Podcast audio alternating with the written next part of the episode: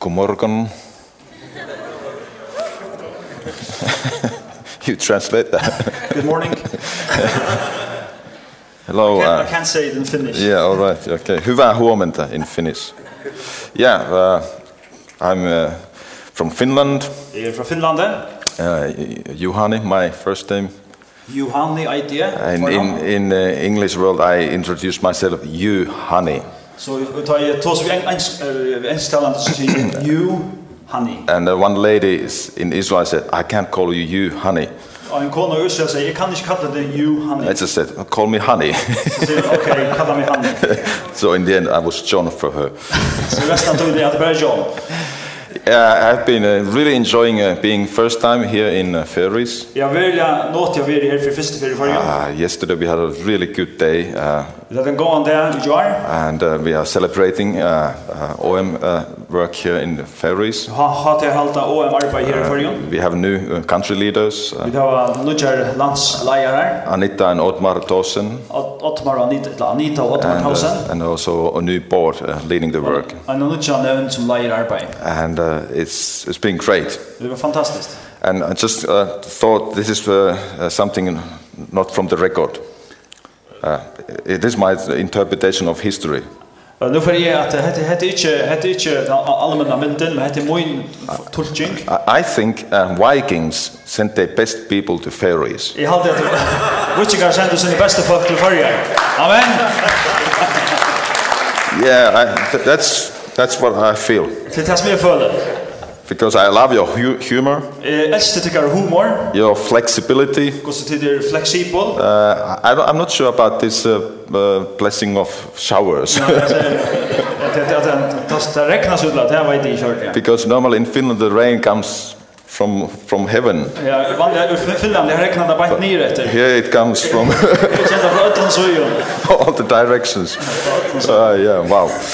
Anyway, I'd like to share some really important message. Jag får att låta vi kunna en enkel tolkning av min min boskap. This has been in my mind uh, uh, maybe half an year particular. Jag har haft det i hovan i ett halvt år. Uh, I feel that God sometimes gives me a certain uh, topic Och när så gör god med ett avst ävne. and then I need to really, really dwell in it with half an year, whatever. Och så må jag lyckas dvälja ut och i- i lång länga tid, kanske upp till And ett as, I halvt år. wa- as wa- I was thinking about today, Och det är det som jag också har med det. I thought I'd like to share this. Och jag får låta detta viktigt. Uh, and this is not the rocket science. Och det här är inte rocket science, alltså det är inte för vuxna folk. I'm a simple man, Det är en enkel enfald med över. but God has very good things for us. Men god hur stor ting för jag. Uh, I like to say, share about God's grand design, God's ultimate purpose. Eh, Guds, Guds grand design, Guds stora atlan, eller Guds eh, ultimativa atlan. Uh, you, probably all of us, all of you, because you are a very artistic uh, nation. Tid är äckliga listarlig här i färgen. I remember a guy named Michelangelo. Michelangelo, Michelangelo. Michelangelo, ja, men jag känner han, ska han. He, he was once in, in next to huge marble stone, Han står innanför besöken en sån, en sån stor granitstein. just uh, chiseling down and Stod taking. bara och arbetade vid hammar och, och, och vi ja, er klätta. And then somebody just came to, some, some, Maitel, ja. ja. somebody just came to ask, oh, what you going to do? Och hon spurte han, vad får jag göra? Uh, Michael said, yeah, I'm going to make a horse. Vi får göra en häst. And it's huge, huge marble there. Och det var en, en kämpestor stein. And uh, this man asked, uh, how come, how, how, do, how can you make a horse out of this marble? Hur kan du göra en häst ut ur den stora steinen? And he said, it's very simple. Det är äckligt enfalt. I just take off everything that it doesn't look like horse. Det är er allt här bort som inte ser ut som en häst. That's the artist. Det är det som är en väldigt lyssna med över. Uh, yeah, it's, it's great. And Störst. I think this is a message for us. Det är en bådskap till Ockon. Uh, and I have a verse for you. Let's, uh, let's, this is in English, but let's hear what, how it sounds in yeah, Faroese. I första bibeln, han har funnit den första versen fram. Yeah, maybe you read Bøtt mine, som er nu atterføye vi kvølon, inntil Kristus er våren kjønskord og i tikkon. Du galater brann og fyra nøytjan. I was reading this maybe half an year ago, Fyrir en, en halv år siden, da leser jeg etter. and this verse just jumped on me Og dette verset leip, lukka som jeg er inne om her. because it says, uh, Until Christ is formed in you. Og det stender inntil Kristus er våren kjønskord i tikkon, eller forma vår i tikkon. Paul was writing to uh, Galatians, Paulus skriver til i Galatia, which, is, which means big, big area of different churches. Og det er størst økje vi i nekvån i muskene samkommun. And something has went wrong in that area. Og det er nekka som, for- som enda er gale i just nere samkommun. Something was really wrong Det kan være ordentlig gale. because Paul had to say, I, I'm in labor, Så er Paulus må sige, jeg har verst, in really in pain, og jeg er veldig pøyne. until Christ is formed in you. Jeg tykker at jeg- jeg føyde ved kvølun inntil Kristus er ved en kjønnskur, eller er formaver i tikkun. And this is really important. Det er ekkert tøtninga mykje.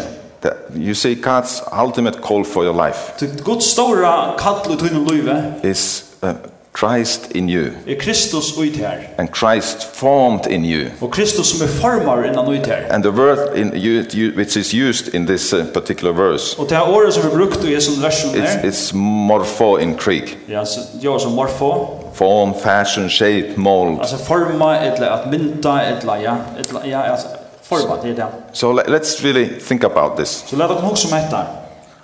So God's ultimate goal for your life, Guds stora atlan vi tøyne løyve, it's really, it's, it's something uh, special. det er nekka han særligt vi tøy. Like in Colossians, uh, let's re read it in, in Pharisees. Kolossebrevnen 8, 28, 28, til Taimon vil det god kundgjøre hvordan rukt og i dård til er mellom heitningene hette landamal som er Kristus og i tikkun, vann dårdærene. Han kundgjør vid, tar vid amena kvart menneske og læra kvart menneske vid ødlom visdomme, fyrir at kunna leia eh, kvart menneske fram fullkomme og i Kristus. So in, in mission, in churches, Så i misjon og i samkommun, we want to present every man and woman så vil jeg vil presentere kvann, en eneste mann og kvinne, complete in Christ. fullkommen i Kristus. Of course, we know that it means saved, Det er first mest of all, sjående at jeg er frelst, but not just being saved. men ikke bare å være frelst. It's like uh, uh, taking a pe- person out of, from the water, Til det lukkar som at man teker en person ut ur vattnet. and now, now he's, he's saved, Nu er yes? han, nu er han trykker, nu er han frelster. But that's not God's ultimate goal. Men det er ikke god, Guds uh, ultimative atlan. But like in, I come from Finland, many believers think that's, that's it. Jeg er jo i Finland, og her halda han ikke tryggvande til det. You are saved and that's it. Du er tryggvande, du blir frelster og til det. You continue your own life Og du helder fram vid tunne løyve, and God has his life. og god hever sutt løyve. But God has much, much more. Men god hever nekv, nekv meira. Let's see. Uh, and this is one of my favorite verses. Hette er et av mine favorittversjon.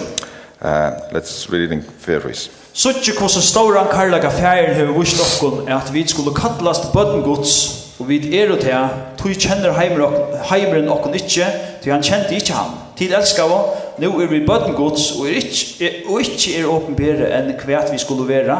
Vi vita at tog han åpenberast, skulle vi vera honom loik, tog sk- vi skulle suttje han som han er. Uh, we will be like him, Vi vera som han, not as gods, N- ikkje som godar, but like him. men som han. And, and we- we need to really study this. Vi, vi, okkun tar vera verdi at studera hettar. And in Old Testament, there's a man called Job. Og i gamla testamentet var ein som hette Jobb. He actually knew this truth. Han kjente jo verlegan, henta sannlegan. That's somewhere in Job uh, chapter 19, I kapitel 19 i Jobbs bok, where he says, My Redeemer lives, han, han tåsar om at uh, endurløysar i mun and, liver, and when I leave this flesh, og ta i færg ut det som lika munnen, I will see like who he is, uh, like him, uh, I will be changed into his likeness. så fyrir jeg brøtter inn i hans herre uimynd, And- og i hans herre mynd. Also, King David knew this. Og da, eh, kongur, da, David kongur kjente at eisne, That's in Psalm 17, i Solme 16, last verse there. sørsta verset her, It's the same idea there. til det samme hoskod, eller det samme ideen er her, So it's not just the New Testament message. det er ikke bare en- en- en ekka som er i Nudja testamentet. That has been God's message all, all throughout the history. Hette vil er Guds bådskaper allan vegin i jøkken søvna. Like uh, those other verses, if you like to write down. Today we are not going to read them. Eh, Vi får ikke lese versen der, men hvis du vil skrive det nye, så har du hatt det versen som vi nevnte. But uh, to be Christ likeness, what does it mean? Men hva verset til at være i mynd Guds, eller mynd, mynd Kristus er? her? Are we going to look like a white robe and a beard and a long hair? For vi det her være i, i, i, i lengkong som kviton klæje, og lengkong kjøtt og lengkong harre. Everybody looking uh, like the same? Alt for så ikke det samme ut. No. Nei.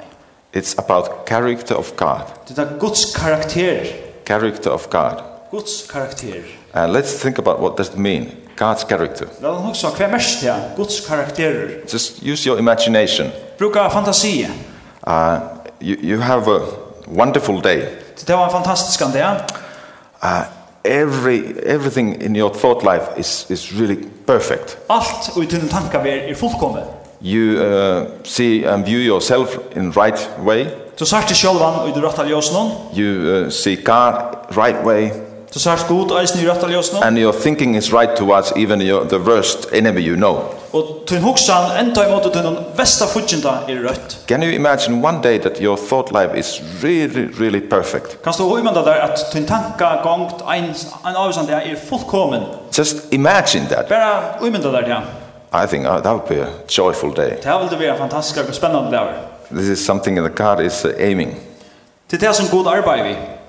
Uh, of course, we know uh, uh, Galatians 5, Vi kjenner sjån til Ga- Galaterbrev 5, 22, uh, fruit of the Spirit. uh, avvekster andans. That's something, it's not just that God has that. He has that, all those ingredients. God, det er ikke bare som god her, men god hever all- allar hessar ingrediensene. But somehow, as we grow in Christ, Men som vi växer i Kristus, eh, så we can be partakers of that, what, blir vi så får vi parst av oss här. that fruit of the Spirit. Avväxt andans. We lack patience, Vad kan dama tolne? that's in Jesus. Till Jesus. We lack peace, Fri. that's what we can find in Jesus. Till att finna vid eisen i Jesus. But sometimes, and unfortunately quite often, Men onke tøynar og tyverre allt for ofta. we try to produce that by our own strength, Så røy- røyna vi det framleie hetta vi okra egne styrke. every one of us. Hvor einstakar er av okon. That's, we try to religiously produce that. Vi røyna religiøst at framleie etter. I mean, that, that doesn't really wor- work. Men det rikkar i overhøvrig. But God has that goal. Men god hever en atlan. And let, let's study a few verses that uh, actually opens a little bit about this. Lad okon hitja til nokon versen som, som tås som hettar. Uh, Peter, uh, Second Peter, Anna Petersbrev. uh, let's read it in uh, Faroese. Og let oss lesa det først, skål, Anna Peters brev 1, 4, eh, 3 og 4. Nøye og frigjør fall til ekkum markfalt og lot, og i kunnskap om god og herre okkara Jesus. Alt vi høyrer til lov og godsøtta hever goddomlig måtter hans er giv i okkon, i kunnskap noen om han, som kallar i okkon vid dård og kraftsyne. Her vi hever han giv i okkon hina største og dyraste lyfte, for at hit vi taimon skulle få lot og goddomligare nåtturon, Ta og tid til flutja borstu fra spytlunni og i heimnun som kjemur av gyrnd. I, I, I love this part. You that you may become partakers of His divine nature. Jeg elsker det her at tid som får parst, som, som, som, som får parst og i hans her goddomlega måtte. I mean, what a gift En fantastisk gava. that you and me Ta to og jeg can be can be partakers of, partakers of His divine nature. at kunne få lot og i hans her goddomlega natura. I mean, Um, he's perfect, Han er fullkommen. and if if if, if here in in Paris there would be a shop, Og hvis enda her i fargjum, hvis det var en handel, th- th- and they they would uh, be kind of selling uh, God's character, og så det selta, Guds karakter. and there's a shop Og, og i hans handelen, that you can swap and change and g- get that His character. og du kan fyrir inn og så kan du eh, forhandla og kjeipa Guds karakter. I think I would really uh, build my house next to it. Så hei jeg bygna et hus på en til svinar, ja. And there's always line up people there, Og det har vært en lenk kø her alltid. day and night. Everybody wants to go in that shop. Hver natt, folk vil fære inn i handelen. But actually, that's it's it's in a way it's truth. Men det er veldig kan sannleggen. But but because we don't see his shop, Men jeg vil ikke suttje hendan handelen i okkara likam i eion, but he is still uh, available for that så er, så er det allukal tøkt at vi kunne få fætra det. because he, basically hhis shop is open in Jesus, Så er snir handelen i veldig kan åpen og Jesus. and we need to learn to cling and and find him. Og vi okkon tørvar at færa leita og finna han. Let's see the other verse. Uh, Lad oss ta som et annet um vers. let's go uh, Hebrews, Hebrear brevet. uh, also in Pharisees. Ja, Hebrear brevet 12, og tutjende vers, 17. pastor, men han gjer til uh, okkon til gagn, så vi få lot og i heila leika hansara. And of course, this is not. We don't feel this is nice thing always. Vi føler ikke alltid at dette er så øyla uh, deiligt. because he's like a father that disciplines us. Så han er som en fægir og i ratta sitter okkon. But because he is the father Men av til at han er fægirin, and he knows what is best for you and me, og han veit hva det er best fyrir til og med. he disciplines us in order så rattla han okkum That- og rattan hatt. that we can share his wholeness, his character. At vi kunne få blod i hans heilalega og i hans karakterer. So he has really the ultimate goal in his mind. Så han hevur det ultimativa målet og hoa. Because that, what, when we can really find the fulfillment Det er her som vi fulla- fi- finna eh, f- fyllene av and joy, eh, eh, gleði, peace, fri, all that what we are lacking. all- alt det som okkum manglar. And let's, let's show, take the other verse. Lagt um taka ta verset rætt. And this is uh, 2 Corinthians. Anna Korint brev 3 og 18. And it's also sharing one part of the, the, this truth. Og hetta eisini er bara ein partur av sannleikanum, men öll vit som vi ongun fyrir andlitnum avspekla dult Herrans, vera ombrøtt til som mynd fra dult til dult, som fra Herranum og i er anden. Uh, some of us might think in this way S- Og nøkra av hugsa kanskje på henda matan. okay, this just happens when I get to heaven. Hetta fer henda at dei kom til himmels. Yes, uh, that's true. Det passar. But uh, God wants to do something already here on the earth. Men Gud vil velgan gjere nekka hera gjør. Because all these verses we have been reading now, Det er öll þessi versen som vi tar lise nu, they are basically in present tense. det er tåsa i nutui. It's right now. Det er bænt nu, Right now. bænt nu. And that's sometimes difficult to believe that it- it's for me and right now. Og det er s- ofta en sin trobel at skilja at det er fyrir meg og det er bant nu. maybe in future there Kanskje ut i framtøyene, are something miracles that needs to happen. kanskje akkurat uh, en, en mirakel for å henta, But we are being transformed right now men vi er ombrøyt bant nu, into His likeness. inn i hans herre mynd. Of course, in this verse that we just read, Og i hese versen som vi akkurat var lise, it reveals one secret. så, så, så avduka det ein, eh, lø- et landamal, It says that unveiled face. at, at fyrir anlit noen, som, som vi omkom fyrir anlit noen, som tidsir fra anlit noen, So uh, I'm not hidden. så er ikke gøymter, I'm totally open, uh, open, honest before God. er pure åpen og ærlig fyrir gode, If I have a really bad day, vi må heve en ordentlig ringande, I mess up. og allt det som vi gjør til enda skjelle, I just confess that to Jesus så gjort i det bare fri Jesus. right now. Bant nu. And this is something God is expecting us Og det to er det som do. Gud vantar av oss. That we are totally honest and open. At vi er fullkomlig åpen og ærlig. If, if you really have a bad day, just tell it to Jesus. Og du har en ordre ringan det, fortell det bare fri Jesus. But the problem I, I face, Og til, men trobladjen som jeg har, well, quite often people know this truth, er at folk kjenner sannleggen, but they don't practice it. men det er livet ikke ut i. Det prakserer det ikke.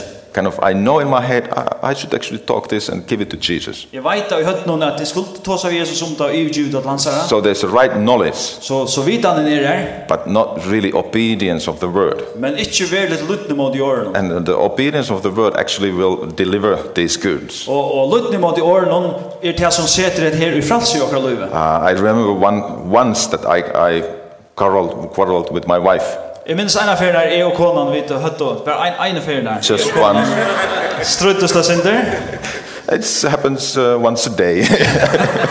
Det hender ena fra dagen. so I was really upset. Jeg um var ordentlig ytler.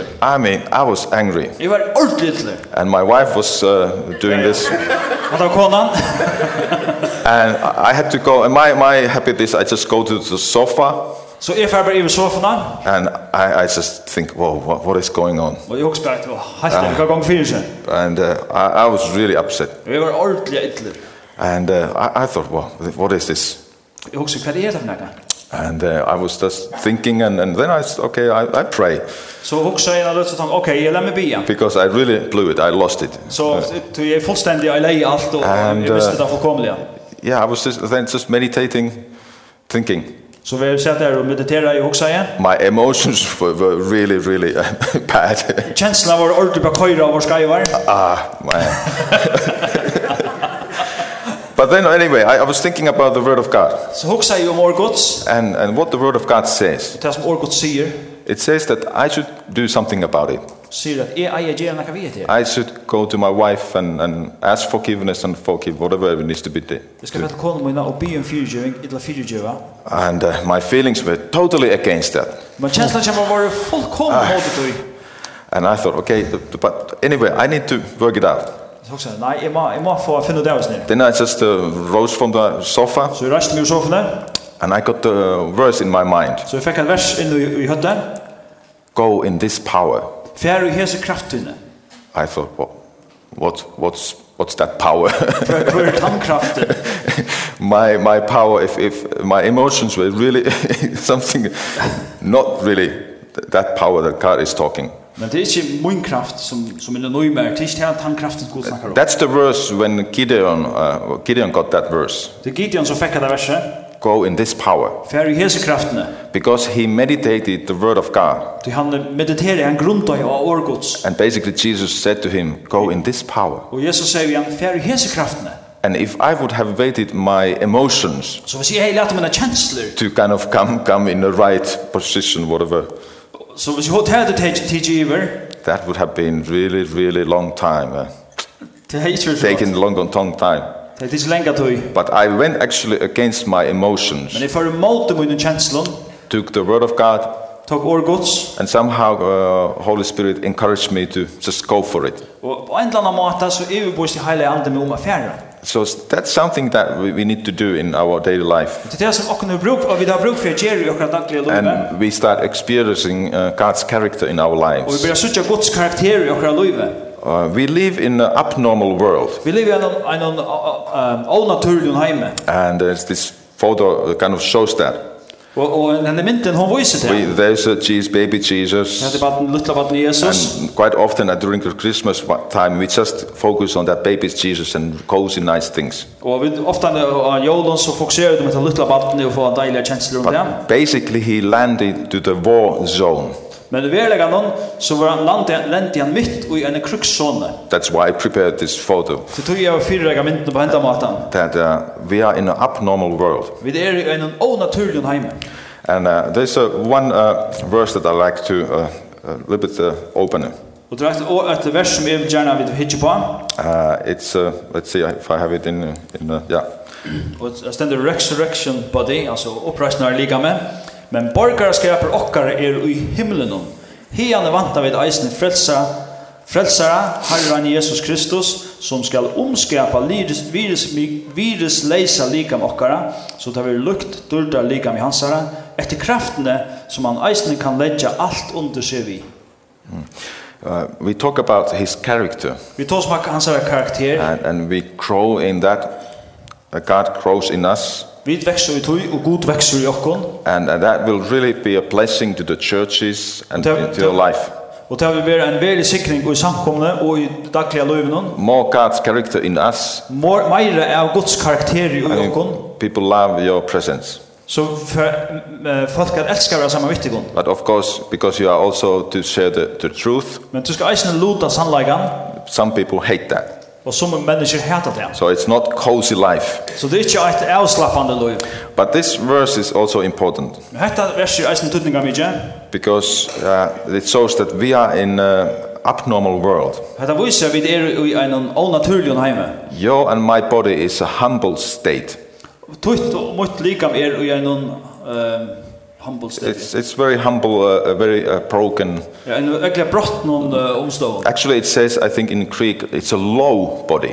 Det stender at det er eit lo ein lokt likam, altså. You know, evolution think that we develop, Uh, Utviklingslæren heldur at, at vi er kom lengt opp. that from monkey, and now we start looking maybe uh, computer guys Fra vi er apper nu er vi sitter vi ja, kom- vid computeren.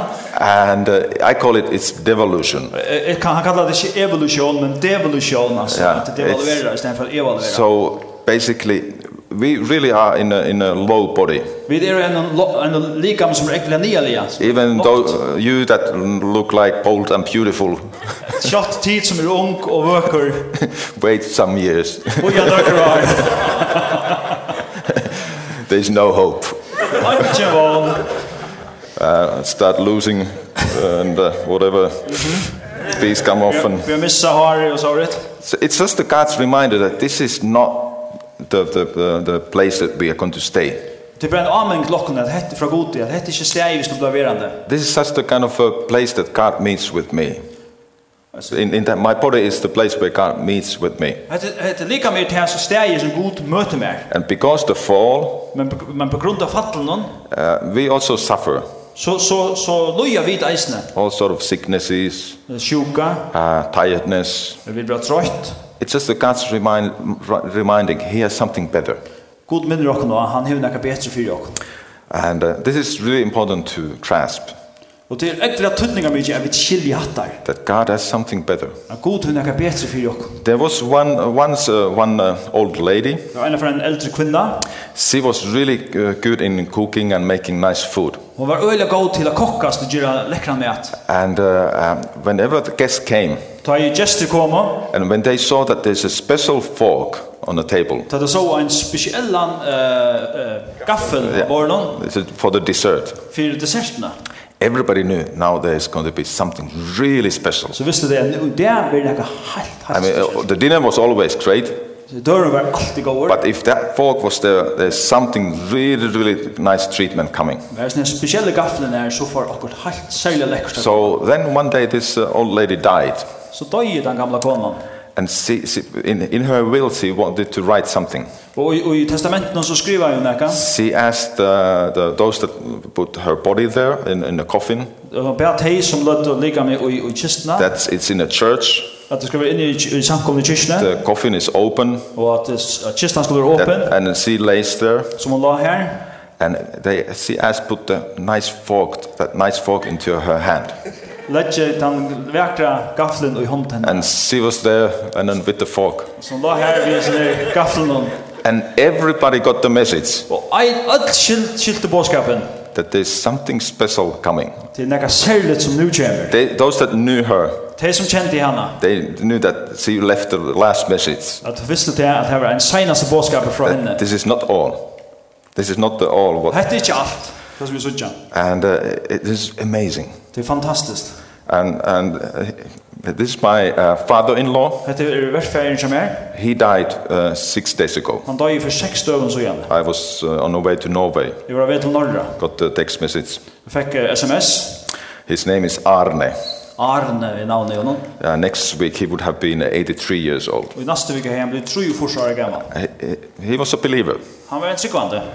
And uh, I put it in my Facebook uh, memoriam photo. Eh og í er Facebook profilen kaldi eg at ein mynd til minni sum hann. And I know that he's now with Jesus. Eg veit at hann nú er við Jesus. But you, do you know one thing? Du nok hva hva skal dei halda? If we would see him right now, At viss vi sá hann bænt nú, he would look younger than me. so hann ser yngri út enn eg geri. Yes? He would look younger than me. So hann ser yngri út enn eg geri. I would be the old guy. Eg vildi vera den gamle. And he's rejoicing. Og hann hevur tað gott. Do you think this is a good news? Heldur du hetta er góð tøyndur?